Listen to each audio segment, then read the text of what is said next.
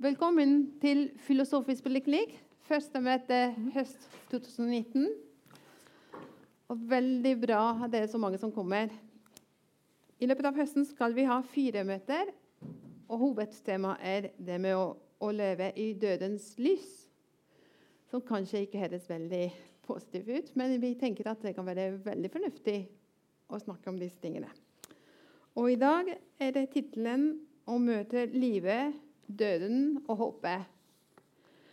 Og jeg er veldig fornøyd med å ha tre gjester her med oss som kommer til å snakke litt om hvordan det er å møte folk som står i et vanskelig situasjon fordi de kanskje lurer på om de skal være i livet lenger eller ikke. Eller de har noen pårørende. For det er blitt sånn at for mange av oss, så er det Vi blir gamle før vi treffer noen nære mennesker som dør. I motsetning til hvordan det var for noen år siden. Så vi vet ikke hva, hvordan vi skal forholde oss til det, kanskje. Hva skjer? Jeg tenker at jeg skal veldig kort presentere dere tre. Og så snakke dere litt om hva som helst dere syns er relatert til dette temaet. Veldig kort. Så kan vi snakke litt mer spørsmål og svar. Så hvis vi begynner, så kan jeg si Katrine Bang-Hellum. Du er sykepleier som definerer deg selv som humanist og medmenneske. Og som har jobbet eh, som sykehushumanist i tre år. Det skal du fortelle oss mer om. Så har vi med oss også Aman Haq, som er imam eh, i Bergen moské. Og som har også vært i kontakt med Samarbeidsrådet for tros- og livssynssamfunn i Bergen. Og har lite erfaring med å jobbe med folk som er i slike situasjoner. Blant mye annet som de har holdt på med. Og så har vi også Liv Ingrid Svela, som er prest i Den norske kirken. Som er leder for prestetjenesten på Haugland. Mm -hmm. Som er kjent for å åpne opp for at andre skal også slippe inn, og ikke være Den norske kirke. Så med dette gir jeg ordet til deg, Katrine. Hva vil du fortelle oss for å begynne med? Det enkleste er kanskje å starte litt med rammene for den bakgrunnen jeg og hvorfor jeg er her. Og det er jo det at jeg i tre år eh, bekledde rollen i prestetjenesten på St. Olavs hospital i Trondheim. Som da samtalepartner og sykehushumanist var jo det begrepet vi til slutt brukte. Hvor jeg på lik linje med sykehusprestene og eh, kulturkonsulenten eh, med muslimsk bakgrunn, som også var en del av teamet, eh, jobba i en tverrfaglig og tverrreligiøs eh, ramme med å dekke de spesialiserte åndelige og eksistensielle behovene på St. Olavs hospital. Og det er klart at Innenfor helse så rammer man eh, prestetjenesten inn med, ofte med begrepet åndelig eksistensielle behov og åndelig eksistensiell omsorg. Um, er ikke, man er ikke førstelinjetjenesten nødvendigvis. Eh, for det ligger ofte hos sykepleierne, det ligger hos legene. Men det er når de spesielle behovene, de, de ekstraordinære situasjonene hvor, hvor førstelinjetjenesten i sykehuset ikke strekker til, at, at man blir tilkalt. Eller når eh, pasienter og pårørende og ansatte selv etter, etterlyser det. Og hos oss så gikk jeg jo som likeverdig kollega i teamet. Jeg gikk vakt. Uh, svarte på tilkallinger til alle tidets døgner, uh, som det heter på norsk. Um, og jeg både hadde samtaler med, ja, pasienter, pårørende ansatte, og jeg hadde samtaler med, med tidligere pasienter og tidligere pårørende. jeg måtte etter hvert også, når tilbudet ble kjent, ble mer og mer kjent, så måtte jeg også etter hvert begynne å svare ut behovet og forespørslene om å skape ritualer eller seremonier. Eh, som jeg sammen med ene pasienten definerte det, det, at vi måtte lage et noe for å få til den gode avslutningen i, en, i et pasientforløp. Og, og, disse noe de, de, ble jo da skapt innenfor rammen av det tros- og livssynsståstedet jeg har som da eh, livssynshumanist. Eh, og det ståsted og de referanserammene som pasienten eller de pårørende jeg møtte og lagde disse ritualene for, eh, selvfølgelig hadde. Eh, når det gjelder det der med å eh, hvorfor Jeg brukte veldig mye tid på å forklare hvorfor man skulle ha en sånn stilling, og forsvare det. Eh, det var et prosjekt. Eh, det er over nå, men eh, det er St. Olavs hodebry hvordan de skal ta arbeidet videre. Det er, det er faktisk sånn, og det er jo en erfaring jeg har som sykepleier også, at det er ikke alle pasienter som føler at de verken ønsker eller kan ta imot spesialisert åndelig og eksistensiell omsorg fra en sykehusprest. Eh, det er en kjensgjerning. Jeg fikk oppgaven å følge opp spesielt ortopedisk klinikk på sykehuset. Fordi der hadde prestetjenesten veldig lite å gjøre. Det var veldig få tilkallinger, det var veldig lite pasienter som ønska å ta imot tilbud. Og Man var litt usikker på hvorfor, men, men ah, Katrine kan gå der så eh, skjedde jo det at eh, jeg endte opp med å gå veldig mye i ortopedisk klinikk. Det ble veldig mye tilkallinger etter meg der. Eh, det var en yngre pasientgruppe som jeg gikk til. Eh, og demografisk så kjenner man jo også igjen at de kanskje har et eh, litt annerledes eh, egenbilde av eget tros- og livssynsståsted enn den eldre pasientdemografien. så jeg, jeg, gikk veldig mye i, i avdelingene der. Um, samtidig som jeg jo snakka med alle. Fordi at i en pressetjeneste så snakker du med alle som ønsker å ha kontakt med deg. Uh, det er ikke et sted hvor mitt tros- og livssynsståsted skal få lov til å markere samtalen. Det skal kun være et referansepunkt for den du møter. Uh, det er den andres tros- og livssynsståsted som har fokus når det er et tema. Men erfaringen min og for så vidt kollegaene mine var jo at det var i veldig få tilfeller at det eksplisitt ble tematisert i samtalene.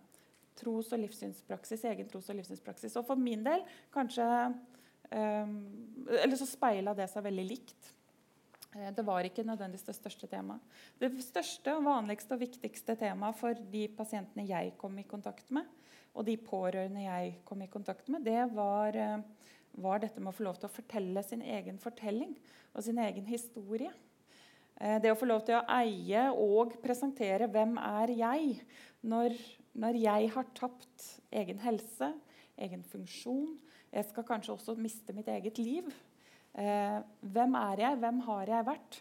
Eh, og hvem er jeg utover denne sykdommen eller denne situasjonen jeg står oppe i akkurat nå? Eh, det eh, er kanskje en av de viktigste temaene som jeg erfarte at vi kom opp i samtaler som handler om helse og døden. Vi skal komme tilbake til det. Mm. Takk for innledningen. Aman? Hei, eh, jeg heter Aman. Jeg har en bakgrunn i islamsk rettslære. Og eh, jeg har jobbet litt på sykehuset. Jeg er litt kjent med systemet i England. Eh, der har de en lang tradisjon at det skal være en muslim De kaller det chaplain på sykehuset. Og for muslimer så er det veldig viktig når det gjelder eh, ved døden, at eh, personen har noe å snakke med. Og de, vil, de ønsker at noen skal komme til å lese kanskje fra Koranen. noen ganger så har de spørsmål angående bønn. 'Jeg er syk, hvordan kan jeg be?' Så når, når, de får svaret fra en, en, en, person som har litt religiøs autoritet, så får de litt mer trygghet i den tiden. Og det er også på en måte De får støtte. At eh, når vi som muslimer når vi tenker om døden, så her tenker vi at vi skal tilbake til Gud. Og eh, på den tiden så mange vil ønske at eh, nære familier skal være til stede. Og eh, de ønsker besøk fra eh, en religiøs leder. Eh, det er også familien som har flere spørsmål angående hva de skal gjøre. Hva må de gjøre? Hvilken, hvordan skal, skal, den personen bli begravet? Hva kan de gjøre for at det skal skje? raskest mulig, eller de lurer på vil det være lov for Mange kommer fra andre land. Vil det være lov å transportere det til der, eller hva er det som er ønskelig? Så der vil eh, imamen eller eh, den personen som de snakker med, eh, prøve å veilede de ifølge eh, eh den retningen vi får, veiledningen vi får i Koranen, og vi får fra vår tradisjon.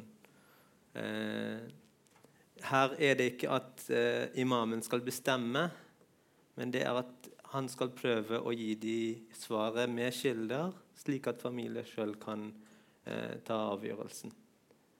Og på en måte hjelper også eh, en sykehusimam eller chaplain for å svare på spørsmål eh, sykepleier eller eh, personell på helsetjenesten har angående hvordan de skal behandle en eh, muslimsk pasient. Hva trenger de å ta vare på?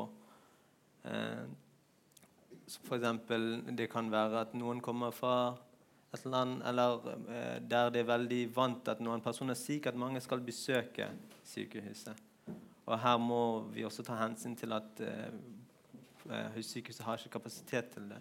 Så her kan imam forklare, og med, kanskje vi bruker referanse fra tradisjonen vi har fra profeten, f.eks. at det vi lærer fra vår profet, er at når du skal besøke noen som er syk, så da, det bør være en veldig kort besøk.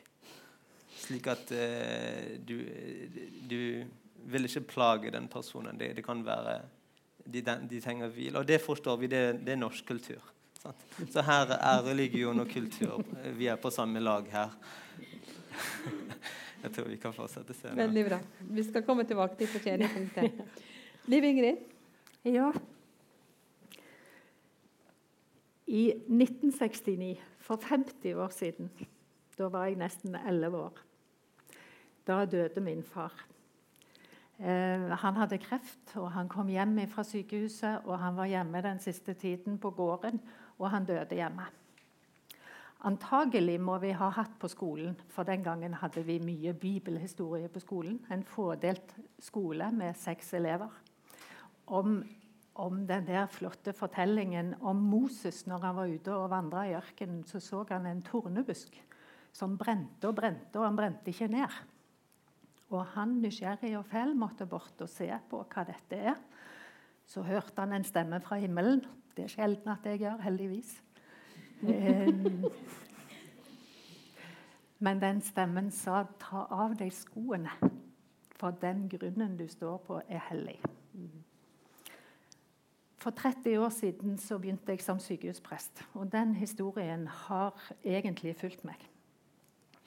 For det, det var en, det var, Som barn så opplevde jeg en slags høytid inne på det rommet som far lå og var syk. Det var fryktelig trist. Men det var et eller annet høytidelig. Det var noe viktig som skjedde der, som jeg fikk med meg. Eh, menneskene forandra litt på toneleie eller stemmen. De sto på en litt annen måte. Eh, det var noen få som kom inn med sånn For vi, hadde sånn grus ute i gårdsrommet. Og der var, der var, det noen som kom inn på linoleumet med sånn sand under skoene. Det så jeg var ikke helt bra. Og alt dette her ble observert.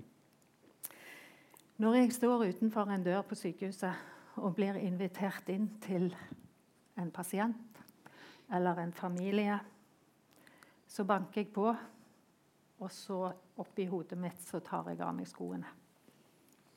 Og hva betyr det? Jeg prøver å stemme sinnet mitt inn mot en situasjon som jeg ikke kjenner. Det er så mye i den situasjonen som jeg ikke vet noe om, som jeg ikke får vite noe om. Eh, det er mye som er ukjent, men jeg kan oppføre meg som om det er noe hellig. Eh, for meg er det hellig, og det er ikke jeg som bærer det hellige med meg, men det er der allerede. Og så får det fortsette å være det, eller utfolde seg som det, om jeg klarer å gå inn i det på en sånn måte. Eh, som kommuniserer med de som er der. At jeg tør å være en person som møter andre personer i en helt spesiell situasjon. det er, for meg er ikke det er vanskelig å snakke om hvordan er det når mennesker dør, for det er på en måte ett og ett menneske som dør. Det er ett liv, et helt spesielt liv, som skal ta slutt, med sine nærmeste pårørende, med sin historie, med sine ting. Så det er på en måte nesten nytt for meg hver gang, selv om jeg har gjort det i 30 år. Vanskelig å finne noe sånn felles kjennetegn for mine samtaler. De er forskjellige. Alt ifra at jeg kan komme inn i et rom der jeg ser at døden er veldig nær, og noen har kommet på prest. Og Da er det å avklare nokså fort, for da tenker jeg i utgangspunktet kanskje at de ønsker en slags overgivelse til Gud. At det er den preste presten. Det er ikke så mye samtale, men det er den. Og da da gjør jeg aldri det uten at jeg har forsikra meg om at den som er døende, ville ha ønska det. Eh, hvis han ikke er bevisst. Men da bruker jeg eh, våre ritualer. Vi overgir dem til Gud som skapte dem og tar vare på dem. Herren velsigne dem og bevare dem. Herren la sitt ansikt lyse over dem. Og så videre det har vært en del ganger gjennom disse 30 årene at mennesker har ånda ut etter disse ordene. Og, for meg er det veldig sterkt. Jeg kan ikke forklare det, men det er nok en slags overgivelse som skjer hos den som dør òg.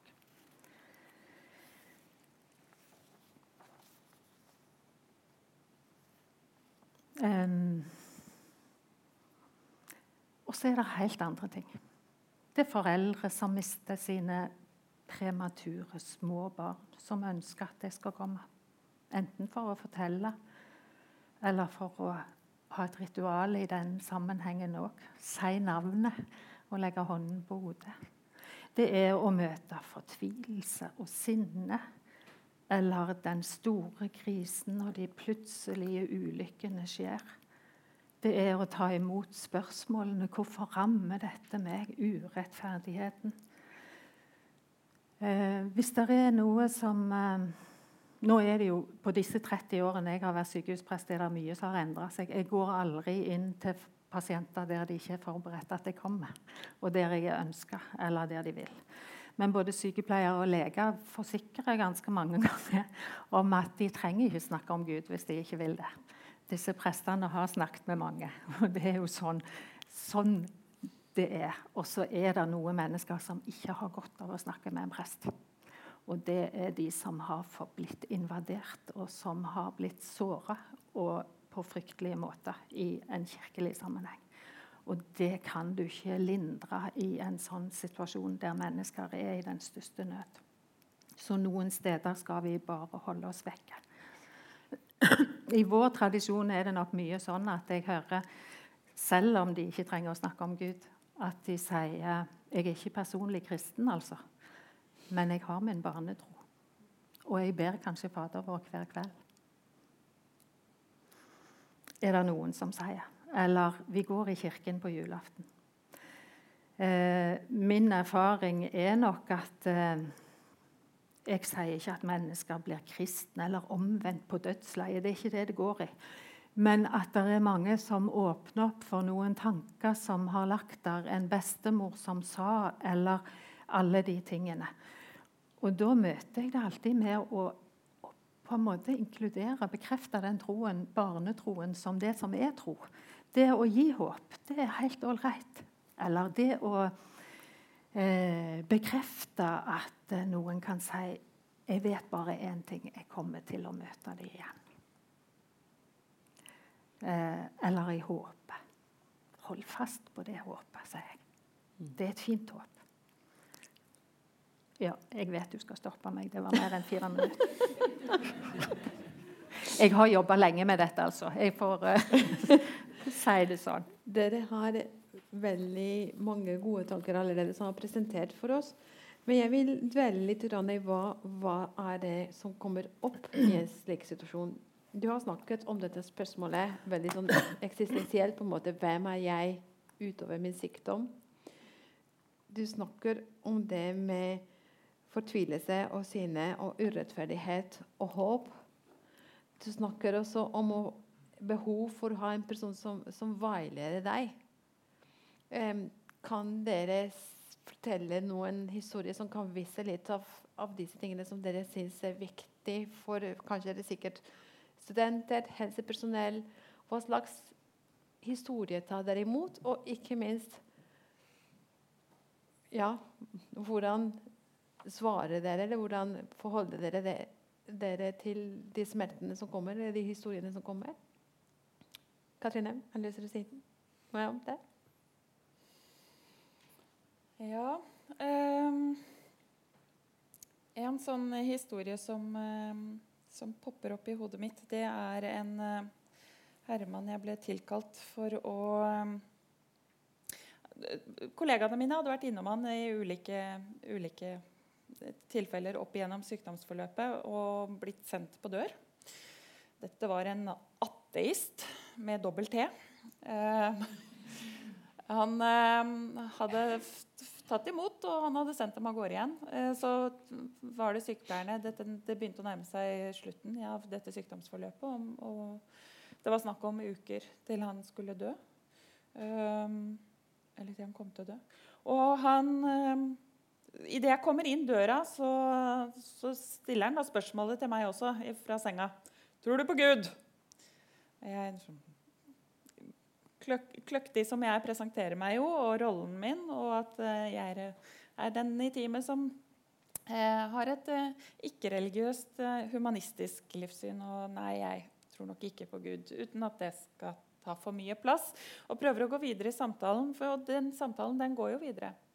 Og så Etter en stund hvor jeg snakka litt om hvem han er, og hvor han er akkurat nå i sitt liv og i sine følelser, så kommer fortelling Eller så spør jeg han om når i løpet av dagen er det du på en måte finner at du kan slippe skuldra litt ned. Hvor er det du finner hvilepunktet ditt i dagene som er her nå? Og da forteller han at jo, det er hver eneste kveld når han ber Fader vår. Jaha. Dette må vi snakke mer om. og da forteller han at nei, Eh, det er jo ikke det at han har, noe, eh, har noen eh, Det er ikke til å få kommentere historien din, men det er ikke fordi at han har noe barnetro, eller noe sånt, men dette hadde han lært av mor si. At hver kveld skulle han be Fader vår, og han pussa tenna hver kveld også. bare så jeg visste det også. Men det var et, slags eh, rituale, en praksis, som han trengte.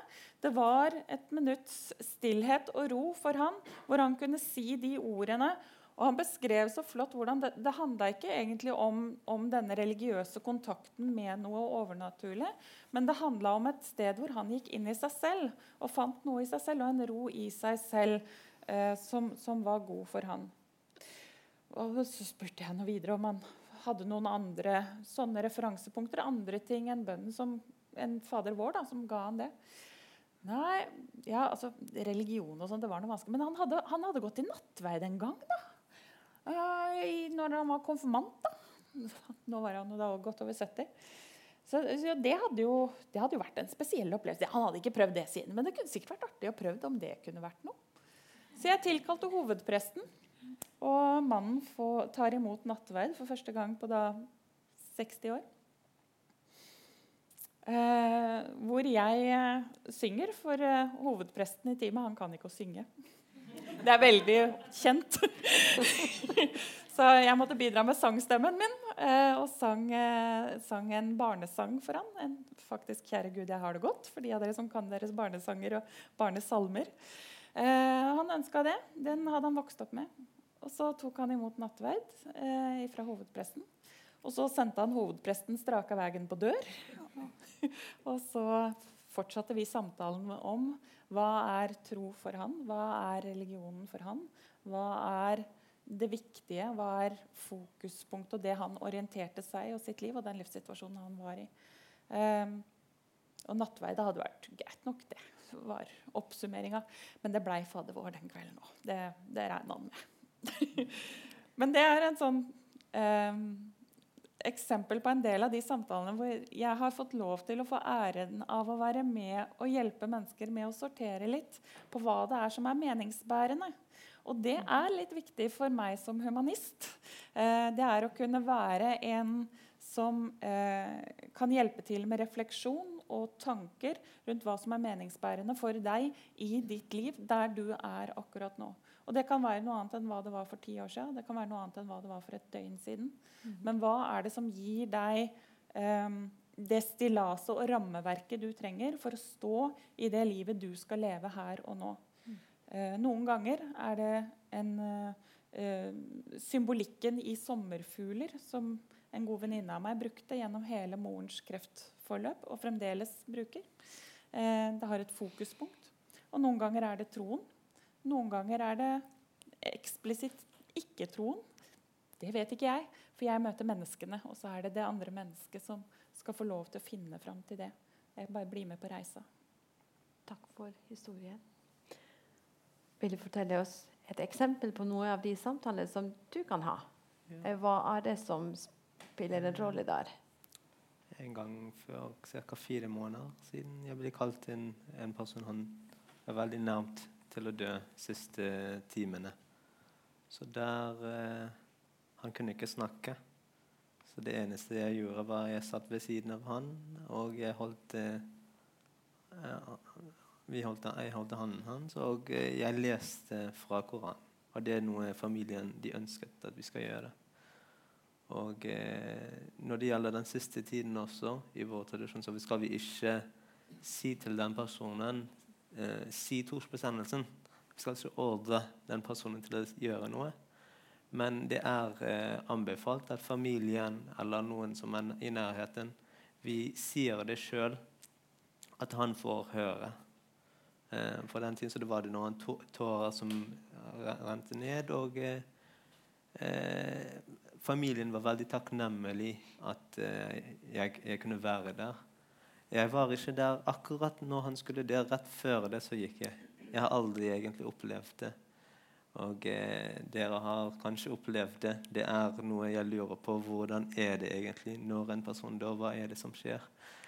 Eh, jeg kan snakke litt mer teoretisk. At eh, når vi snakker eh, Eller når imamen holder en tale, så sier vi at eh, toren det ligger gjennom håp. Det ligger mellom håp og at en person skal være redd for sine synder eller de gale ting vi har gjort med andre mennesker.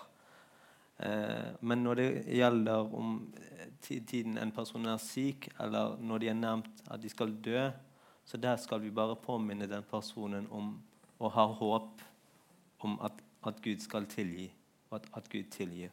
Så den tiden vi legger veldig mye vekt på håp. Eh, ja. Viktig. Kan jeg spørre deg litt, for de pårørende? har jo også en rolle. Eh, er det viktig for dem å, å, snakke om seg selv, eller er det mest kun den syke du, du har samtale med? Altså, er, det, er, det, rundt den syke, eller har du, du også ja. veiledning for de pårørende i den? De kan ha spørsmål hva de bør gjøre, eller type, ja. eh, når det gjelder hvordan de skal begrave han. Så det er ting de kan være opptatt av.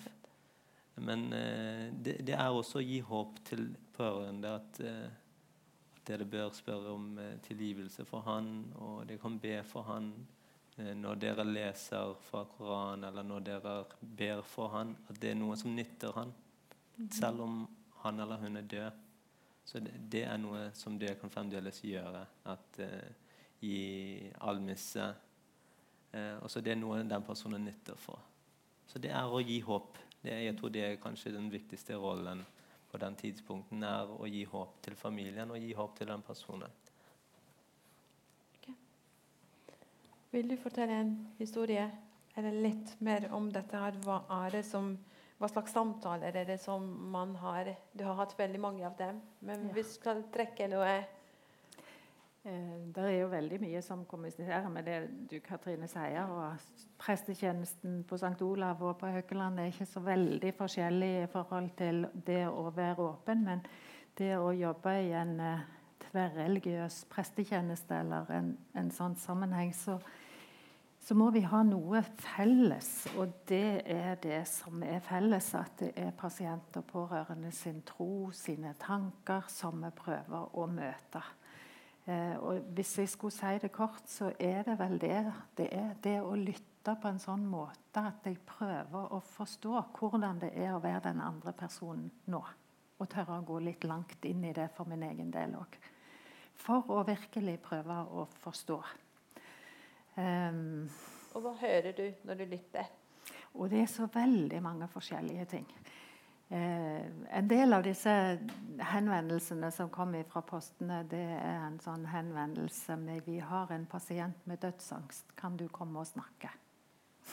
Ok, Hva gjør du da? ja, hva gjør jeg der? Jeg, eh, eh, på en måte så blir det litt sånn teknisk å si hvordan jeg gjør det. eller eller du sier jeg, jeg spør etter det meningsbærende, for vi gjør jo ikke det. I bakgrunnen så gjør vi det, men, men det, det, høres ut som en alminnelig samtale. Og så er det disse tingene som kommer fram allikevel. Men det jeg nok gjør, er å gå, å gå veldig tydelig konkret inn i det. Hva, hva, tenker du du er redd for? Er det det som kommer før, eller er det akkurat døden? Eller er det det som kommer etterpå du er redd for? For det er jo veldig forskjellig. Og veldig mange er redd for smerter, redd for hvordan dette forløpet skal være. Selv om vi sier aldri så mye at vi kan lindre smerter. Noen er, er veldig uh, nysgjerrig på det der overgangen. Og det er jo jeg òg. Vet jo ingenting om det før det er vår tur. Det er det ukjente. Vi skal inn i det ukjente. Ingen kan si noe om akkurat hvordan det er. Det er noen som har fortalt og opplevd og opplevd forskjellige ting. Men, men overgangen, hvordan er det? Og så er det noen Jeg har nok registrert at det er ikke så mange lenger, heldigvis, som er redd for dommen og helvete på andre siden. Og det er jeg veldig glad for. Jeg har jobba så lenge at det var noe av det som jeg syns var vanskelig å møte. Det var denne skrekken for for å tenke at det er en straff etterpå. Ellers er det mange sterke historier. Alt ifra hemmeligheter som, de, som, noen ikke har fortalt til noen, som de bare må fortelle til noen før, før en dør. En hemmelig abort for 60 år siden. Som de må fortelle? Vil jeg møte de igjen? Ja. Som ligger der. Som bare kommer fram. Det er jo klart Vi graver aldri etter sånn. Det skal få ligge i fred hvis det ligger i fred. Men noen bare presser det fram. Du kommer frem til noe som er viktig, sannsynligvis. Det med forsoning. altså Det med å føle at nå har jeg gjort det jeg skulle ha gjort. Eller kanskje eh, jeg må få tilgivelse fra de som eh, jeg har såret på en eller annen vis. Regner med at det er ting som kanskje kommer opp. Um, og Du snakker også om at dere hadde et slags ritualer. Du snakker også om en del ting som kan være sånn ritualer for dette her. Hva slags plass er det? For, hvordan, hvordan håndterer man det i dagens samfunn, et sekularisert samfunn, hvor det, det er ikke så mye plass til ritualer ellers? Eller kanskje er det det, men nye måter å gjøre det på? Um, hvordan tenker dere at disse tingene som skjer, som vi lager Det er noe som du laget eller det som er litt mer etablert i andre kulturer og religioner, fungerer disse, for disse menneskene? Jeg vil nok si at, at vi òg lager ritualene. Eller jeg bruker mer et uttrykk som å ritualisere. For det, det skjer i sam, samarbeid med de som med, med, den som er med på denne, dette ritualet. Så det er ikke alltid at, at jeg tenker jeg går til bok, eller det er sjelden jeg går til boken og så tar jeg de fra begynnelse til slutt. Men det blir en, det blir noe du lager. Mm mm. Men det er jo klart, de, de gamle kirkelige ritualene, de er, de er der, de. Mm Jeg husker godt den som lå på intensivavdelingen på overvåkning. og Han visste og han var klar, og han visste han kom til å dø ganske snart. Og han ville skrifte. Går det an å få være alene på denne rommet? sa han. Jeg skal snakke med presten. Ja. Så der er jo, hvis du er tydelig, så er det jo plass til det. Ja. Katrine, jeg har vært litt sånn og googlet meg og litt sånn har sett at, at det fra nordisk humani, humanistmanifest står det sånn humanismen fremmer rasjonalitet. Hvordan passer det sammen med å lage ritualer? Det kommer vel an på hva det er du legger i ritualbegrepet. For det er klart at det fins de forskerne som definerer ritualer som eh, handlinger som etablerer kontakt med det guddommelige. Eh, men, men, andre forskere igjen har tolket og, og, og, beskrevet ritualer ut fra nettopp det å, å skape mening og sammenheng. Eh, og, og, skape de gode overgangene. Eh, ritualer er jo noe man går inn i, og så går man ut av det. Og det er noe som er i hvert fall for meg veldig gjenkjennelig fra praksisen min. Er, jeg lærte veldig fort og veldig tidlig at det handler ikke om lengden på en samtale. Det handler om tilgjengeligheten du har i løpet av den dagen hvor livet rått og brutalt endres på den hovedintensivavdelingen. Så handler det om tilgjengeligheten de åtte timene familien var der. Ikke om at jeg var der i åtte timer. Eh, så det å gå inn og ut det gjør man, og det gjør man også gjennom et normalt sorgforløp. Man går inn og ut av følelsene og inn og ut av kaoset. Og eh, ritualer er jo også noe man går inn i, og så går man ut av det på andre siden. Eh, det er noe som skal for meg og min forståelse av, av, ritualer Når jeg snakker om ritualisering og, og skape ritualer, så er det å skape denne meningen, skape overgangen, og, og kanskje også ramme inn dette voldsomme som har skjedd, eh, og klare å eh, koble det inn i det livet vi skal leve. Jeg eh, ble, ble tilkalt til en familie på, på gynekologisk avdeling. Det var en familie, en mor og en far, som mista barnet sitt sent i svangerskapet. De hadde hatt barnet hos seg i ganske mange dager. Eh, nå måtte de eh, gi fra seg barnet eh, og, og, forlate avdelinga. Vi var kommet dit, men, men, mor og far strevde veldig med å skape den gode avslutninga. De fikk det ikke til og ønska ikke å dra. Og sykepleierne og legene var veldig Hva gjør vi? Um, og vi hadde en veldig flott samtale, meg og, og dette foreldreparet, uh, om nettopp at de var blitt foreldre. Eh, hvem var dette barnet for dem? Hvilket navn hadde det fått? Um, um, og mor holdt barnet i hendene sine mens vi sitter og snakker om dette, denne morsrollen og denne omsorgen og kjærligheten de som foreldre føler for barnet sitt. Vi ender opp med at jeg leste et dikt som er skrevet av en av gravferdstalerne i Human-Etisk Forbund nettopp til eh, barnedødsfall. Eh, jeg sang en sang fortal, sammen med foreldrene som de fortalte at de hadde sunget sjøl for barnet under svangerskapet. og jeg sa noen få ord om, til foreldrene, hvor jeg speila tilbake det vi hadde snakka om, om omsorgen og kjærligheten de hadde for dette barnet, og det savnet, gleden og sorgen over å få lov å møte det og under de omstendighetene. Um, om den måten å bli foreldre på. Og så um, uh, gir mor barnet til meg. Uh, hun bøyer seg ned og kysser barnet i panna.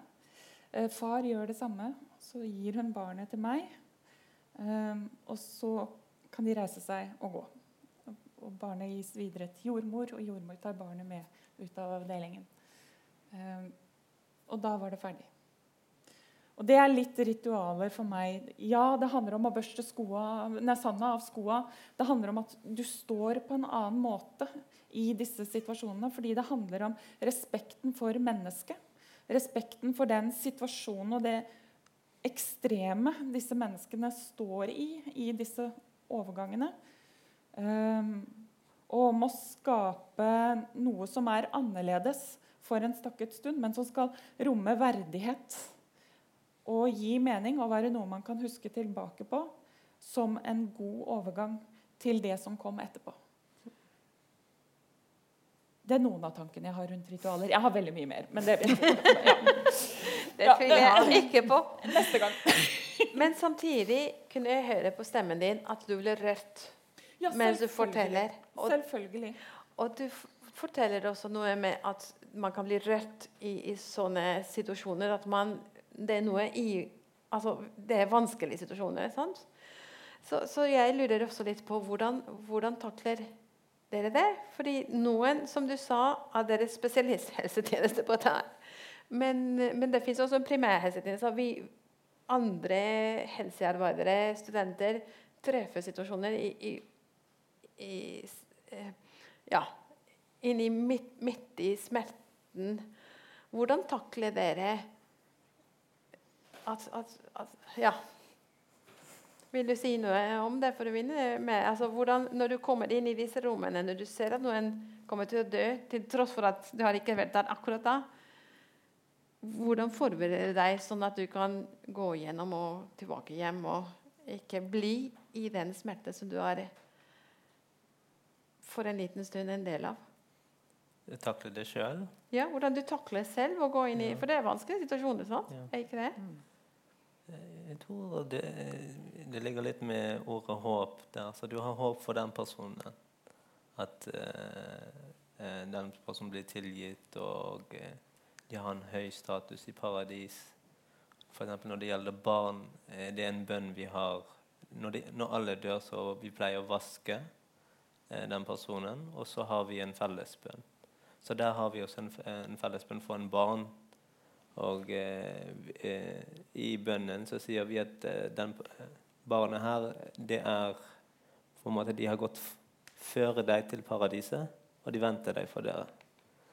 Så det er det som vi ønsker. Det er det vi ber at eh, foreldre skal også være lykkelige til å være sammen med barn. Det vi tror at barn, eh, alle barn, eh, selv om de var kristne, eller foreldre var kristne eller jøder, alle barn kommer til paradiset, fordi, fordi barn de er ikke ansvarlig. Eh, men eh, Jeg har ikke egentlig tenkt på ordet ritualet, men det vi gjør når en person dør, er eh, Før den personen dør, så vi pleier å gjenta trosbekjennelsen. Når vi hører den personen har sagt det, så da prøver vi at ingen skal snakke med han igjen, for det var siste ordet han har sagt. Det er en god tegn, men eh, for hvis vi opplever at en person har det veldig vanskelig vi, vi, vi, kan se at det var veldig vanskelig. Det, det var smerter. Det, men det betyr ikke at det er en dårlig tegn. Det kan være at det her var egentlig rengjøring av syndene. Så det, det, det vi, vi, alltid, Fordi vi aldri vet hva, hvilken situasjon den personen er eller hvilken, hvor nærmt den personen er til Gud. Så det er ikke noe vi kan si. Så vi alltid har den håpen. Og det er det vi går, når vi går vekk fra situasjonen, det er også tanken vi har. Vi ber for den personen, og det hjelper oss. Så det er din, din egen tro på en måte som, ja. som, er din hjelp når du kommer inn ja. og ut av disse, ja. av disse samtalene. Ja. Hva tenker du? Hvordan tar man med seg noen gang disse smertene? Ja Det er jo av og til jeg tror at jeg ikke er skrudd helt godt sammen, som har valgt å gjøre dette i 30 år.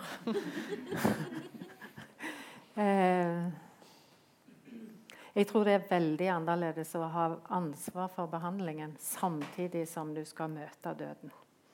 Det å legge fra seg at en ikke har ansvar for noen ting medisinsk, en har ikke ansvar for at dette skjedde eller ikke skjedde, det tror jeg er en veldig stor forskjell på å orke å gå så langt inn i det på så mange ganger. Eh, det underlige er at jeg kan ta med jeg, jeg, kan på en måte makte å være i ganske mange triste situasjoner. De som plager meg, eh, er nok der jeg syns jeg kunne vært til stede på en bedre måte. Mm. Hvis jeg får de tankene. At jeg ikke har vært helt med, eller det ble ikke sånn som ja, det var noe som skurra. Da, da, da, kan, da, kan, følelsen komme med meg veldig mye lenger på dagene. Men jeg tror jeg har en trening på å gå inn og ut av ting sånn ganske fort. At det kan være veldig intenst, og så er det kort tid før jeg er inne i noe annet. Mm. Mm. Og det Ja, hva tenker du om dette? Jeg tror De vanskeligste pasient møtene, eller pårørendemøtene jeg har hatt, eh, som, som, jeg har båret med meg, tror jeg er de møtene som har vært prega av, av, sinne. av sinne og avvisning, det, det syns jeg er krevende. Der hvor, hvor, eh, hvor, eh, hvor menneskene, det være seg pasienten selv eller de pårørende, har et behov for å rette sinne mot noen, og det blir meg som tar imot. Jeg, jeg er litt dårlig på å håndtere det, at folk er sinte på meg. Eh, samtidig som jeg klarer jo å rasjonalisere rundt det og vet jo at eh, det er også en funksjon eh, som dette mennesket trenger akkurat nå. Eh, noen å rette også de følelsene mot. Og så er det veldig trøst noen ganger å vite at man er del av et team. Et mm. stort, tverrfaglig team, ikke bare i prestetjenesten, men i hele helseapparatet. Jeg har pasienter som har avvist både meg og mine kollegaer i tur og rekkefølge og kasta oss på dør. Etter å ha invitert oss inn, deretter kasta oss på dør. Hvor jeg følger opp i etterkant og får vite at ja, men det var den ene sykepleieren på nattevakt dagen etter. Der. Det var da det løsna. Det gikk bra. Uh, og det å være en del av det, det tverrfaglige fellesskapet, det er også en, eh, en trygghet når man skal praktisere i et så spesialisert fagfelt som det vi gjør, og med så sterke opplevelser som det vi gjør. Det er at vi er en del av et fagfellesskap. Mm -hmm. Da lurer jeg litt på Vi skal være litt sånn djevelens advokat. Hvis man har en psykolog, hvorfor trenger man være? Hva er forskjell? Hva gir dere som en psykolog ikke gir? Hva er jeg for jeg skal, får jeg lov å svare? Ja, og, La henne begynne. Jeg har en god fortsettelse. Nå har jeg en datter som eh, holder på å bli psykolog, så det er veldig ålreit. Det fins veldig mange forskjellige psykologer òg. Jeg kunne godt tenkt meg en sånn eh, av din type som i tillegg var psykolog. Fordi at en kunne kombinert noe av det. For det er jo klart vi stjeler fra hverandres fag. I forhold til både samtaler og veldig mye forskjellig. Eh, men jeg driver ikke behandling. Jeg går ikke inn for å Og jeg har ikke ansvar for behandling. Jeg skal rett og slett bare møte mennesker. Mm -hmm. Og de kan få bruke meg til hva de vil. Eh, jeg skal ikke drive terapi, men de samtalene som jeg har, de er ganske ofte terapeutiske. Mm -hmm. Altså på en måte lindrende. Eh, så er det Ja, hva, hva, gjør nå prestene? Og det er litt vanskelig, eller hva, prestetjenesten. Eh, for vi har mye felles. Eh, barmhjertigheten. Sant? Det med å, å, være god, gjøre godt med mennesker. Det å men, men hva er det? Inge Lønning han var på en sykehusprestkonferanse faktisk bare et par måneder før han døde. Og hadde et veldig godt foredrag, men han utfordra meg litt. Han sa det viktigste dere gjør som prester, det er å trøste. Og jeg har alltid vært Syns det var litt, litt sånn klamt med det der trøsteordet. eh, I tillegg så var det en av de første jeg møtte som hadde mista et barn i fødselen, som sa veldig tydelig 'Trøst aldri en ulykkelig'. Så jeg hadde så mye på det der trøstegreiene. Mm. Uh, og da mente hun selvfølgelig. For hun var blitt trøsta av så mange. Og det virker bare som bagatellisering. Du har ikke forstått hva det går i. Du kan få et nytt barn, det kommer seg med tiden. Eller alle de der trøsteordene som er sånne overfladiske. Men så har jeg begynt å tenke litt mer på det, og jeg tror det er noe i det der. Han var en klok mann, han der, Inge Lønning. For det fins andre måter å trøste på. Et nærvær er en trøst. Kanskje er den mest utfordrende situasjonen min det er når det ikke er ord. Når ikke mennesker forteller. Når det er bare håpløst. De venter bare på å dø. Det er vondt, det er smerte, en har angst, og det er ingenting til å lindre. Kan du allikevel være nær for å lindre? Er det, noe, er det noen som, som, må på en måte trøste på den måten? Mm -hmm. Det var mine tanker akkurat nå. Det var ikke lett å gå videre på det. Det er teamarbeid, ikke det? jo, det er det. Det er en av de tingene som jeg har blitt utfordra på. Fordi at, ja, men Hvorfor trenger man en humanist, da? Fordi at, eh, da, vi kan jo bare sende dem til, til psyko, psykologtjenesten hvis de, hvis de ikke vil snakke med presten. Og det, og det, er, det, bringer meg litt over til et utgangspunkt om, om dette med å være et stillas. Og, og kunne være en, eh, en, som er med og støtter deg. Når, når, grunnmuren er revet under deg i livet ditt, så trenger du et reisverk og noen til å holde huset ditt oppe. Noen til å være med å bygge og stabilisere det mens du får disse steinene på plass igjen, kanskje. Um, og um, hvorfor skal man, når, når man har et ikke-religiøst ståsted, hvorfor skal man da være henvist til psykologtjenesten i sykehuset? Som, som nettopp har dette terapeutiske behandler og, og kanskje mer psykiatribrillene enn psykolog, pedagogisk utviklingssamtaler-brillene. Um, så ja, vi, om ikke vi bare stjeler, så tror jeg faktisk vi låner en del på tvers av ulike fagfelt her. Eh, prestetjenesten er spesialisert preste, eller eh, åndelig og eksistensiell omsorgstjeneste. Eh, det er en tjeneste som er spesialisert på at vi kommer med en, et definert livssynsståsted. Og vi kan være tilgjengelige, vi kan være livssynsspesifikke når det er behov for det.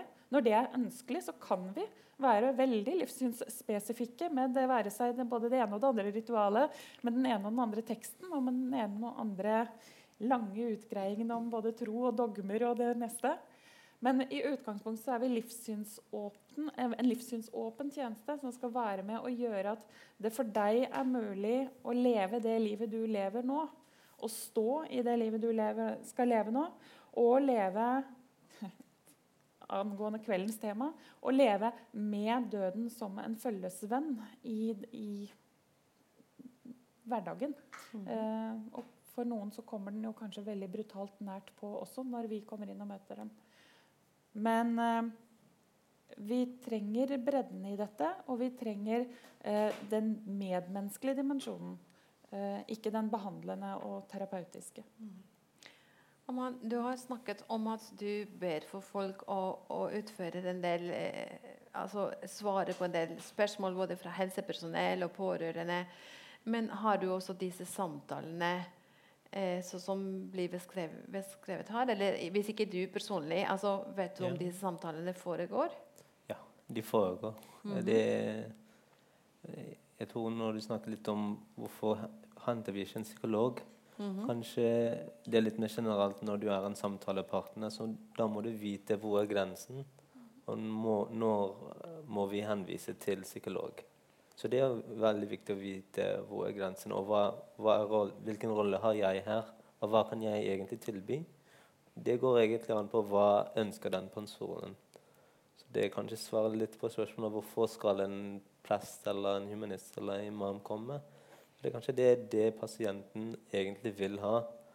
At uh, det er en tidspunkt der de tenker at uh, de, er de, er veldig opptatt av tro på den tiden. Og eh, det kan også være noen muslimer som vil ikke se imamen.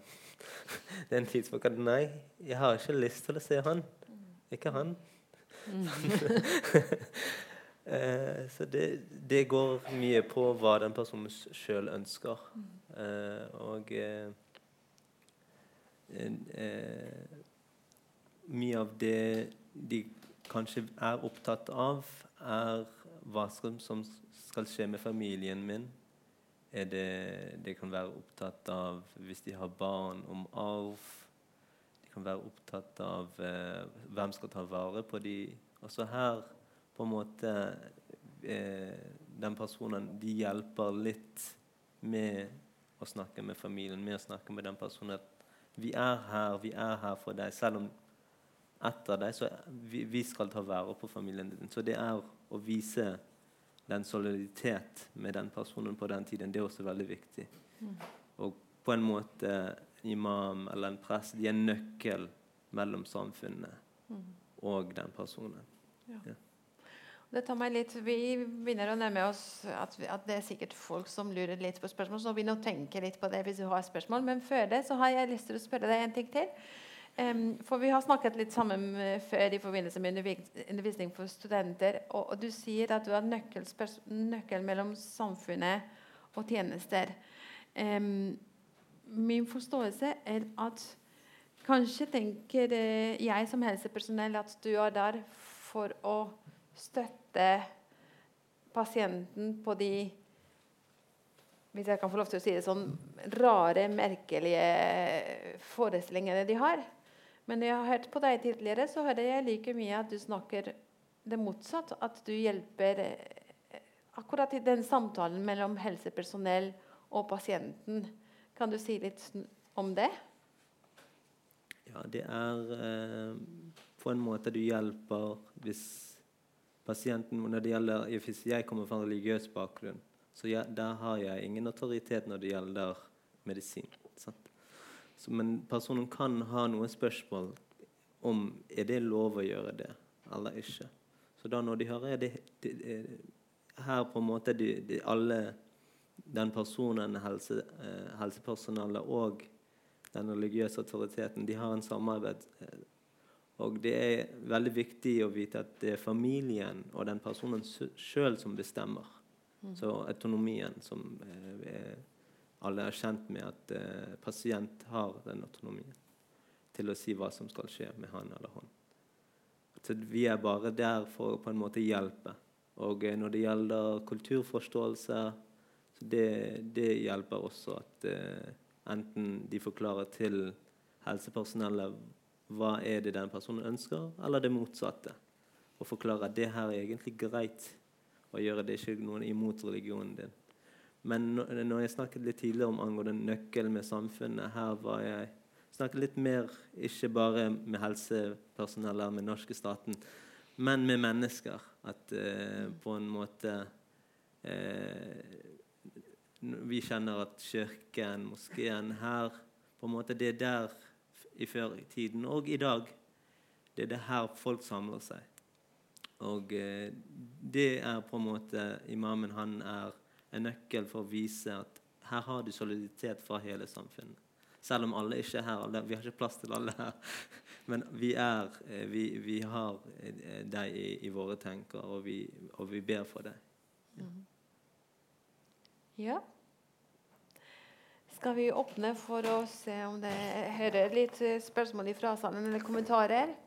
Nå ser jeg nesten ingenting, men jeg, ser, jeg har sett en hånd allerede. Så hvis du sier hvem du er først, presenterer deg selv, så Ja, ja hei sann. Eh, jeg heter Sveinung. Eh, og jeg eh, Jeg er i Humanisk Forbund, og der er man jo litt opptatt av ja, disse spørsmålene her. Så det er jo veldig det, Jeg syns det er veldig rørende å høre på det som dere forteller. da. Jeg må bare si det. Um, jeg syns det var litt interessant fordi at dere var inne på um, det her spørsmålet med, med håp. Eller det vil si, det ble, det ble, nevnt litt, men dere sa ikke så veldig mye om det. Og jeg tenker litt sånn i forhold til håp at um, Jeg syns det kan være litt sånn her uh, Jeg vet ikke helt hva jeg skal tenke om det. fordi at på den ene siden så sier man gjerne sånn her uh, at, at, håpet er på en måte Håpet er drivkraften. sant? At, at håpet liksom alltid er bra. Men spørsmålet mitt er Tenker dere at håp alltid er bra? Kan håp være negativt? Og bør man i en sånn samtalesituasjon bidra til å opprettholde håp inntil det faktisk er helt håpløst, typ personen dør? Eller bør man Er det et eller annet tidspunkt som kommer der man kanskje skader mer enn det gainer, og på en måte prøver å opprettholde det her håpet? Jeg kjenner nå at jeg glemte helt å presentere meg selv. Det heter Esperanza Diaz, og Esperanza på spansk betyr håp. Men nå, nå kan dere Nå kan kanskje en av dere begynne med å svare. Håp for hva, kanskje? Jeg, jeg, ja, jeg kunne egentlig begynt med å si, si noe om det. At, eh, spørsmålet ditt forutsetter litt at håpet handler om det å bli frisk, eller det å kunne leve videre. Eh, jeg opplever ikke at det er det håpet jeg møter, eller har møtt i samtalene. Det er ofte håp om uh, forskjellige ting, og det kan forandre seg gjennom et sykdomsforløp. Håp handler vel så mye om en, et fokus og en retning. Uh, det kan være like mye håpet om noen gode siste dager. Håpet om den, den, den, å få komme på hytta en siste gang denne sommeren. det kan, noe, det kan være et håp som bærer deg gjennom enda en cellegiftkur, eller kanskje 13 cellegiftkurer. At i enden av den kuren så vet jeg at jeg får noen uker hvor jeg har det veldig mye bedre. Da skal jeg på hytta. Og så blir det et fokuspunkt, og så kommer du til kur nummer ti, og du blir bare dårligere og dårligere. og Det blir ikke mer behandling. Da er det håpet reorienterer seg til noe annet. Um, det er det håpet jeg møter, i hvert fall i de, i de, samtalene jeg har hatt. så er Det at det er så situasjonsavhengig. Og det, ikke, det handler ikke om å bli frisk. Veldig ofte. For meg er det nok eh, kanskje litt vanskeligere. Fordi at det er mennesker som ber meg om å be om å bli frisk, når jeg vet at uh, det blir de ikke. Skal jeg da gjøre det? Skal jeg være med på det, eller skal jeg ikke? Og hvor lenge, og hvor mye? Uh, så jeg kan kjenne på den der uh, varianten som det ikke går an å si noe sånn helt ordentlig om. Men, men jeg tenker nok at av og til så må jeg være et talerør for de ordene som ikke pårørende klarer å si, eller som ikke pasienten klarer å si.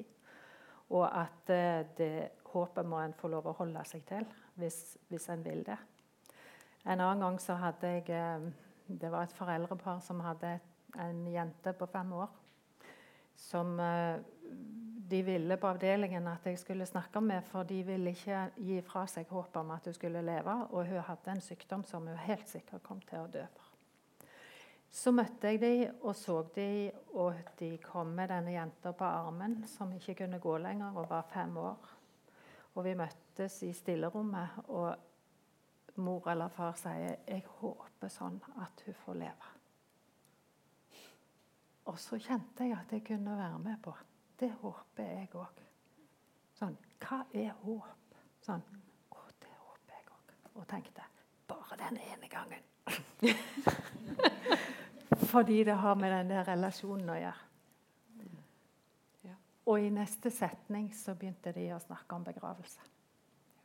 For det er noe med Når du møter, så blir det så paradoksalt. Da går det an å løse opp. Men når du blir tvungen til å gå videre, før du er der, eller før du er på lag, så vil du ikke. Så det er så, mye, er så mange sånn paradoksale ting i det der med Skal du være med på det håpet eller ikke? Ja. Heter Eivind Mæland. Jeg er med og driver denne poliklinikken. Jeg eh, hadde en kommentar om Moses og tårnebusken. Og så hadde jeg en eh, kommentar om, om, tro og rasjonalitet. Altså eh, eh, Dette her med, med tårnebusken, ta av seg skoene Det handler jo om ærefrykt. Det handler om eh, den uforbeholdne respekten eh, for den andre. Mm. Og det tenker jeg er en en, en hjørnestein for å få den andre til å vokse. Og det er terapeutisk. Så jeg reagerer litt på at du, Livet og dere sier det, det, vi skal ikke være terapeuter. Jeg, eh, jeg synes at det er en så viktig hjørnestein i all terapi at vi må løfte det fram. Og Da tenker jeg òg at dere er jo i et sykehusmiljø hvor det er prosedyrer og eh, behandlingsskjema og algoritmer. Så kanskje dere skulle vært mer frimodige med å misjonere litt for, eh, for ærefrykten og for eh, det å skape de rommene som gjør at den andre kan vokse som person. For det er det som er terapeutisk. Det var den ene kommentaren jeg hadde. Den andre kommentaren det er at dere sitter her tre fra forskjellige livssynsretninger, og så snakker dere om det samme. Og da tenker jeg at uh, det er noe uh, allmennmenneskelig uh, med religiøsitet uh, som, som, handler om tillit, håp forankring, trygghet. Eh, sånn at eh, Kanskje jeg kan utfordre humanisten her, som, som eh, hvor eh, Human-Etisk Forbund markedsfører seg som rasjonalister, bør vi ikke eh, i et slags økono, øko, økumenisk fellesløft prøve å fremme dette allmennreligiøse som alle mennesker eh, har i seg? Er ikke det en oppgave for oss? Nå var det to veldig store kommentarer. Jeg vet ikke om dere har lyst til å kommentere eller um... Vil du gripe an misjonen, så skal jeg ta det andre?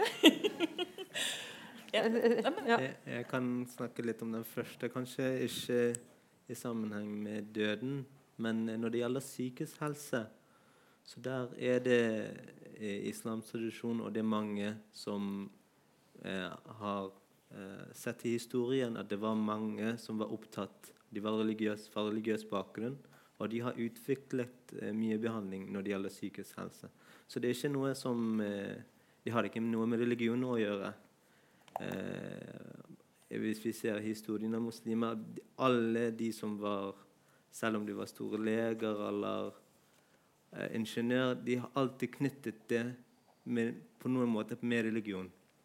Så når det, gjelder, når det gjelder om terapi Det kan også være at hvis en person han har Men det, det som er viktig, at den personen har faktisk trening både Eh, som psykolog eller i terapi og eh, religiøs utdannelse. En person som ikke, har, som ikke har den profesjonelle utdanning og prøver å gjøre noe med det, så da kan det være veldig farlig.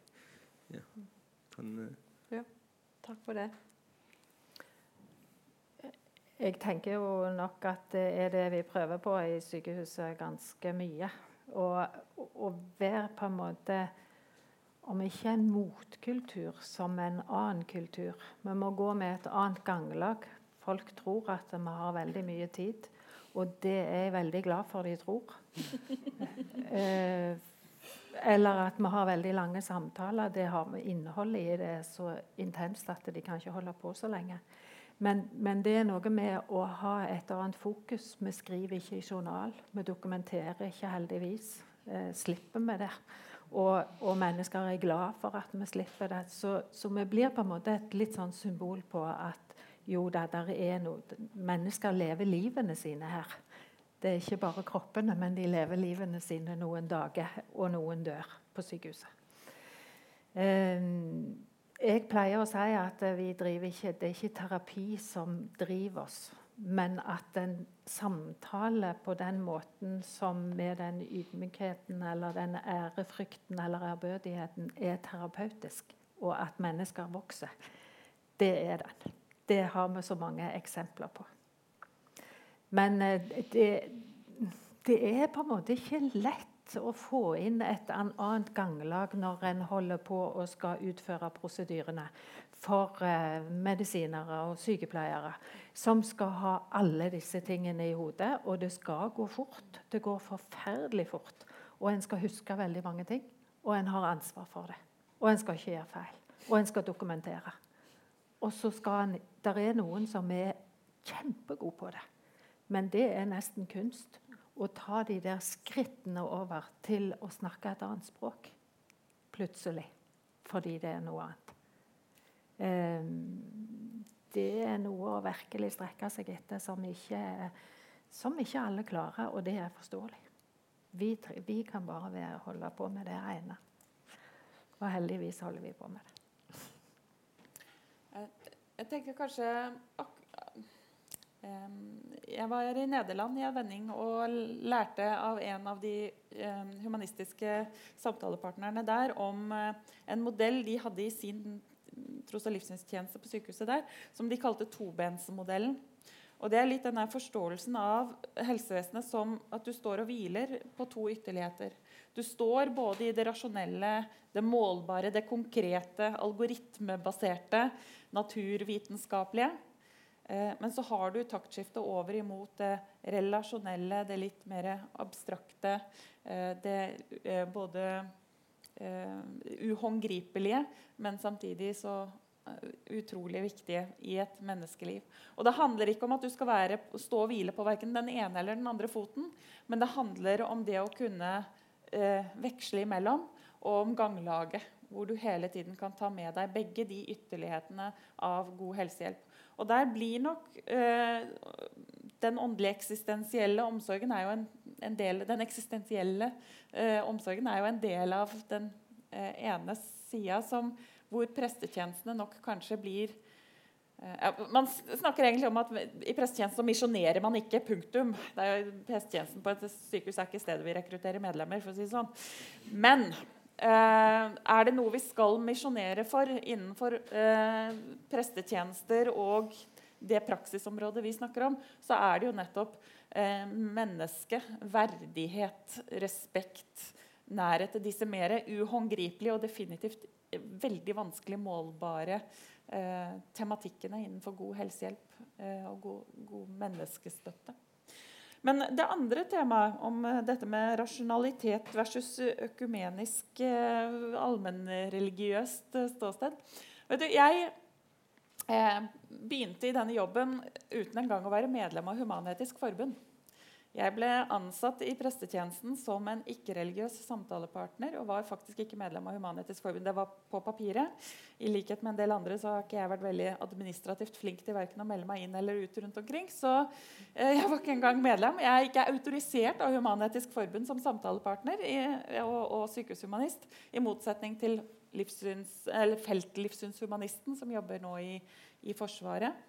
Um, men jeg har noen tanker rundt det du sier, og det er at eh, vi skal ikke mm, Min opplevelse, og jeg må ta dette på min kappe, det er at Human-Etisk Forbund nok i veldig stor grad har vært et forbund som har stått på barrikadene for religionsfrihet og for, eh, for en sekularisering av stat. Um, og så er det en livssynspolitisk betent greie som jeg ikke har lyst til å gå inn i, for det er ikke, det er ikke, min, det er ikke mitt felt. Eh, mitt felt er tros- og livssynsbetjening. Og det å møte mennesker med det livssynet jeg har, og de verdiene og holdningene som det gir meg. Jeg vet at vi har et skifte i Human-Etisk Forbund i dag, hvor man har mye mer fokus over på det å, å også drive trosbetjening, hvis vi skal bruke det uttrykket. Eh, og det tror jeg er veldig riktig, fordi det handler ikke, det handler ikke For meg så handler ikke mitt medlemskap i Human-Etisk Forbund eller Human-Etisk Forbund lenger om, om, en religionsfrihet og en politisk kamp. Eh, religionsfriheten er her. Det er min opplevelse. Eh, men hvem er det som skal ta vare på meg når mitt liv vakler? Hvem er det jeg skal venne meg til? Eh, når jeg trenger hjelp for å stå i mitt liv. Eh, jeg vet at naboen min, som er dypt religiøs og troende, hun har et nært forhold til menighetspresten sin. Eh, I de periodene hvor hun har hatt det vanskelig i livet sitt, så har hun hatt et definert sted å venne seg til. Det har ikke jeg hatt som humanist, fordi at Human-Etisk Forbund har ikke drevet med det. Og i sykehusene så fins det ingen som kan møte meg på mitt livssyn på den måten, med det livssynsspesifikke veldig livssynsåpne, men ikke nødvendigvis det spesifikke. Og Jeg er veldig glad for det skiftet, og det skiftet er jo også hvorfor jeg fikk den jobben jeg fikk i prestetjenesten, det prosjektet i prestetjenesten i Trondheim. Eh, det er jo fordi at man i større grad også anerkjenner at eh, også de som ikke har en tilstedeværende og nærværende Gud eller religiøs, overnaturlig eh, nærvær i sitt liv, har også eksistensielle og ja, åndelige og eksistensielle behov. Takk. Det ble litt langt, men ja. Jeg lurer på om det er noe Ja? Det var det her bak, ja. Eh, står den på? Den er på. Jon Christian Rolfsnes heter jeg, er sykehusprest på Haraldsplass diakonale sykehus. Dette har vært en veldig interessant samtale. Eh, etter å ha hørt på denne samtalen, og særlig etter å ha hørt på Katrine Bang Hellum, stemmer det? Så i tillegg til å være prest i Den norske kirke på arbeidsplass, vurderer jeg å melde meg inn i Human-Etisk Forbund. Dette var en nylig representant i forhold til noe som jeg hadde håpet det var. Og med dine andre livssynsrepresentanter, som du har ved siden en imam og en sykehusprest, så syns jeg dette er veldig representativt for hva jeg opplever på sykehus. Eh, og det å høre på denne dialogen dere tre imellom, og hvordan det på en måte oppleves i møte med døden, og døende mennesker. Det er veldig representativt i forhold til hva jeg sjøl erfarer. og sikkert helt sikkert mine kolleger også. Eh, så det var egentlig bare en, en gest til dere. og Hadde jeg hatt en ledig stilling Dessverre så går vi ned i antall stillinger på Haraldsplassen nå istedenfor opp. Men da skulle vi gjerne hatt en livssynshumanist. Eh, og jeg vet at uh, våre kollegaer på Haukeland har en imam. Uh, og, og, dette er veldig bra, og det er viktig, tenker jeg. Takk til forumet som åpner opp for denne samtalen. Det må det bli flere av. I tillegg så har jeg ikke noe spørsmål, men bare å bringe inn en erfaring som dere eventuelt kan reflektere over i forhold til dette med profesjonalitet og terapi osv. Når jeg setter meg ned i dette eksistensielle rommet hvor døden på en måte dirrer i veggene, og Liv Ingrid sier noe om å ta av seg skoene for å være på hellig grunn, så det er veldig gjenkjennbart. En blir ganske ydmyk i møte med det. For en treffer noe av sin egen frykt, redsel, angst for døden. Det er noe allmennmenneskelig, tenker jeg. Men det som jeg opplever der, jeg vet ikke om dere har noen gjenkjennelse på det, det er rett og slett rent mellommenneskelige. Nesten uavhengig av hvilket fag eller religion en representerer. Men det å være menneske på denne kloden. Og at det er noe av det som trer fram i dette møtet. Jeg opplever ikke veldig ofte at jeg blir tilkalt eller snakker med mennesker hvor de spesifikt etterspør det livssynet som jeg på papiret og i rollen representerer. Men det mellommenneskelige. Og det som blir en utfordring for meg da, det er å tåle utfordringen i å være i det rommet hvor døden er det neste som kommer. Det er mer en kommentar, men en honnør til dere for at dere stiller opp på et særdeles viktig tema, både på mange institusjoner som har, sykehus ikke minst, men det livssynsåpne tilgangen og tilnærmingen på det. Så applaus til dere, og takk for at dere stiller opp. Takk for det.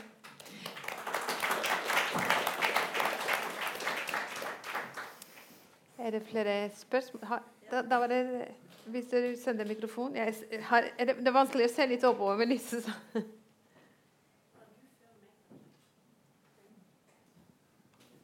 Jeg heter Eva Try og jobber i psykiatrien. Jeg er eh, psykiatrisk sykepleier på en eh, allmennpsykiatrisk poliklinikk og har jo jobbet med døende i mitt sykepleierliv. Og jeg har jo syntes syns har vært viktig å, altså Jeg har vært opptatt av åndelige og eksistensielle behov, for det har vært helt nødvendig når du jobber og sitter vakt hos noen som dør, at du må på en måte forholde deg til eh, til det temaet. Og så har det undret meg Nå har jeg jobbet en god del år i psykiatrien, og der er det et veldig, veldig, veldig vanskelig tema. Og så, og så har jeg jo tenkt en del rundt det, men jeg lurer på to ting. Er, um, um, om dere noen gang blir tilkalt uh, til uh, psykiatriske pasienter uh, fordi at de en del av de har jo ikke håp. De ser jo ikke mening med livet og har kanskje forsøkt å ta sitt liv flere ganger. Og da er det litt sånn paradoks for meg at når vi jobber med mennesker som er på en måte på kanten av stupet i, i forhold til livet og i forhold til følelser, så syns vi det er så vanskelig å snakke om åndelige eksistensielle behov. Vi har prøvd å løfte det flere ganger, men det er så vanskelig at vi har ikke helt funnet ut hvordan vi skal gjøre det. Det handler ikke om at vi ikke vil, men det er så vanskelig. Så det er to spørsmål. Har dere vært borti Får dere kontakt dere hen, altså får dere henvendelse fra psykiatrien? Og hva tenker dere, hvordan kan vi på en måte komme videre i psykiatrien og også åpne opp for det? Før så, Det har jo vært ulike tabuområder i psykiatrien, men, men, jeg tenker at det å ha en tro er nesten et tabuområde. Det er litt min opplevelse. Ja, Har dere tanker?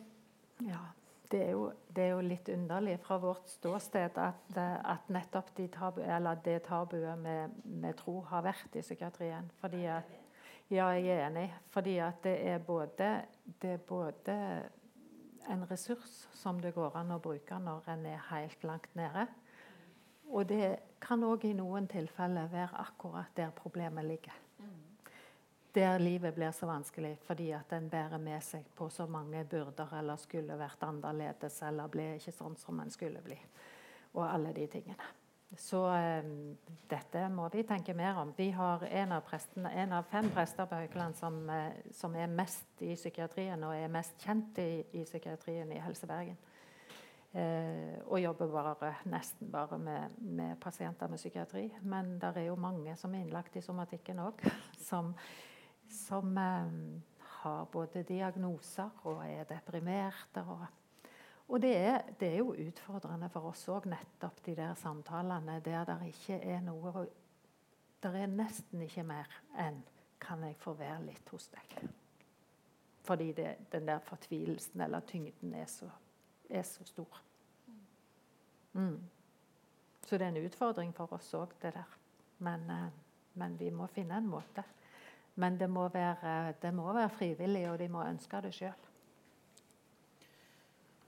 Um, en av kollegaene mine i teamet i Trondheim har skrevet en artikkel nå husker jeg ikke hvor den er publisert, men uh, de har gjort en, caseartikkel, hun og den ene behandleren på DPS-en i Trondheim. Uh, nettopp på uh, dette konseptet usunne gudsbilder, tror jeg det er hun ordlegger seg på. Hvor behandler Eh, opplever å komme til kort i møte med en pasient. For hun, får ikke til å gå inn i nettopp dette religiøse feltet og, og, begynne å jobbe med disse usunne gudsbildene. For hun har ikke autoritet. Hun, hun kan ikke korrigere, for hun er jo bare en psykiater.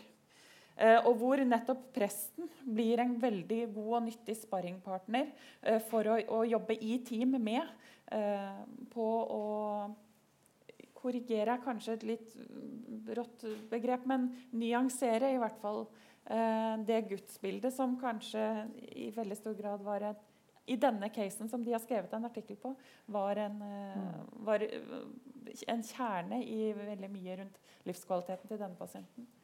Um, Eller så er det Ja, selvfølgelig tilkalles man også i psykiatrien. Uh, jeg tror I psykiatrien så opplever jeg ofte at eh, vel så mye som religiøsitet, så er døden og eh, konseptet døden er, har fått et litt fiendebilde nettopp pga. problematikken rundt suicidalitet. Så det å snakke om døden har blitt farlig. Eh, noe man ikke kan gå inn i i den behandlingsmessige, men som også er på en måte et litt farlig tema å touche. Mm. Eh, for meg så har de samtalene jeg har hatt innenfor psykiatrien, nettopp handla om suicidalitet og om tanker rundt hva døden kan være. Eh, og å få lov til å skape et rom hvor pasienten kan sette ord på det.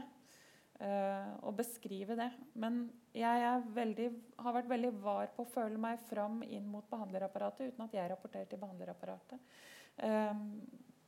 Eh, i forhold til de typene temaene. Men jeg skaper uansett et rom og et sted hvor det går an å snakke om disse tingene. Og i noen tilfeller eh, hvor det er enklere å snakke om dette med meg eller med en sykehusprest. Eh, for, nettopp fordi at man ikke er en del av det behandlerapparatet som selvfølgelig også regulerer innleggelser og paragrafer og medisineringer. Vil du kommentere noe på det? Eh, jeg kan tro litt relatert til temaet. Eh, det er viktig at de som jobber med psykisk helse, at de har kulturforståelse, mm. og at de tar hensyn til andre tro. Eh, og en andre ting som utvikler i England og Amerika i Canada, er eh, muslimer som er veldig opptatt av eh, psykisk helse. Og her på en måte de knytter seg med sin egen tradisjon og eh, det som eh, måten psykisk helse eh, psykiatri og psykologi har utviklet i vestlige samfunn. Og prøve å knytte de to sammen.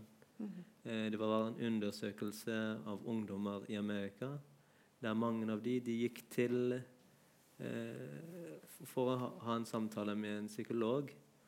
Og eh, mange av de, fikk tilbakemeldinger at eh, psykologen sa at problemet lig, ligger i religionen. Og det var noen andre ungdommer som de gikk til eh, muslimsk De tenkte at var, den personen ville ha en kulturforskning, men der var det andre problemer angående taushetsplikt. og sånn. Så det, vi må jobbe på begge sider. Ja. ja. takk for det. Jeg tror det var ett spørsmål til så før vi vinner å runde av.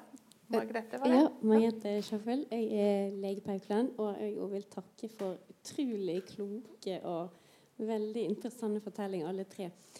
Det jeg lurer på litt, eh, som dere har vært inne på det er samspillet med oss på gulvet da, som skal gjøre denne grunnleggende ivaretakelsen av eksistensielle og åndelige behov. Nå er jo det en del av det vi skal gjøre for i grunnleggende palliasjon. Jeg jobber en del med, med livstruende sykdom. Og nå får vi masse hjelp fra Liv Ingrid. De har jo veiledning for oss legene da, i, i, fra prestetjenesten. Men det er veldig vanskelig for oss å avlære dette instrumentelle. Dere har så utrolig fine posisjoner. Altså, vi vil ha folk fra A til B.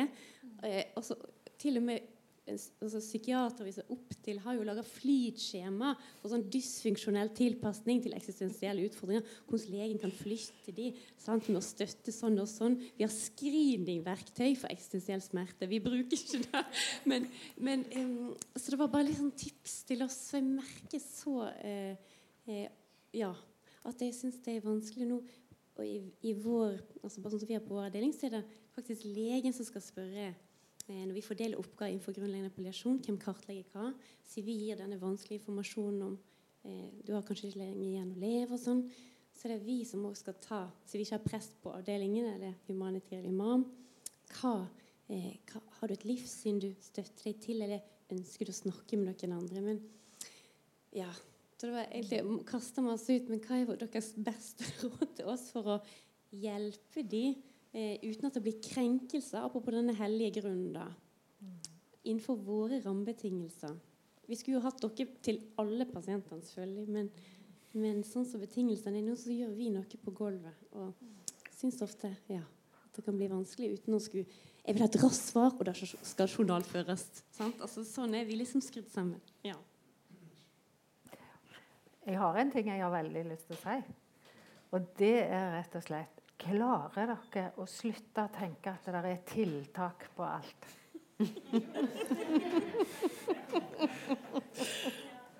Hva tiltak skal vi gjøre når noen dør? Det er ikke det det er. Det er så enkelt at selv de i barnehagen klarer det. Men de, de små, altså. Ikke de som jobber der, men, men, men de små. For når noen er lei seg, så trøster de. Eller de hører på. Eller 'Oi, det hørtes frukt. Det var det gale.' Eller et eller annet sånt. Men vi tenker så fort at vi må gjøre et tiltak. Eh, jeg har vært Jeg er pårørende på sykehus for tiden. Og jeg undrer meg over at den verste plassen jeg kunne finne på å grine, det var på sykehus. Du må bare ikke grine der. Tenk på hvor normalt det ser ut på sykehus. Det ser jo ikke ut som noen har opplevd noe hvis du tar heisen opp og ned. Sjelden gang noen som står litt bøyd. Eh, og det, det, er litt sånn Det hører liksom ikke helt med. Vi er ikke helt gode når vi har så mange tiltak, til å bare møte og få være uten at vi skal gjøre noe med det. Kan vi ikke bare grine, da? Er ikke det den mest naturlige tingen? Det var det jeg hadde lyst til å si. Jeg tror eh, mitt tips, det blir eh, Tips, hører du. Eh, det er å eh, legge vekk de her sjekklistene. Sånn, rett og slett sånn symbolsk, teknisk og veldig konkret. Legge att permen. Eh, og, og ramme inn én liten samtale til dette temaet én stund hvor du går inn, i, inn, til pasienten, og du står ikke ved døra engang. Du går rundt senga og setter deg ned på andre sida av senga. Og, og, symbolsk er så til stede som du kan være.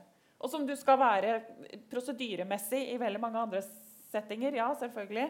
Eh, dette står også på sjekklister, at man skal gå helt inn og sette seg på andre sida, sette seg ned, ansiktshøyde, alle disse teknikkene.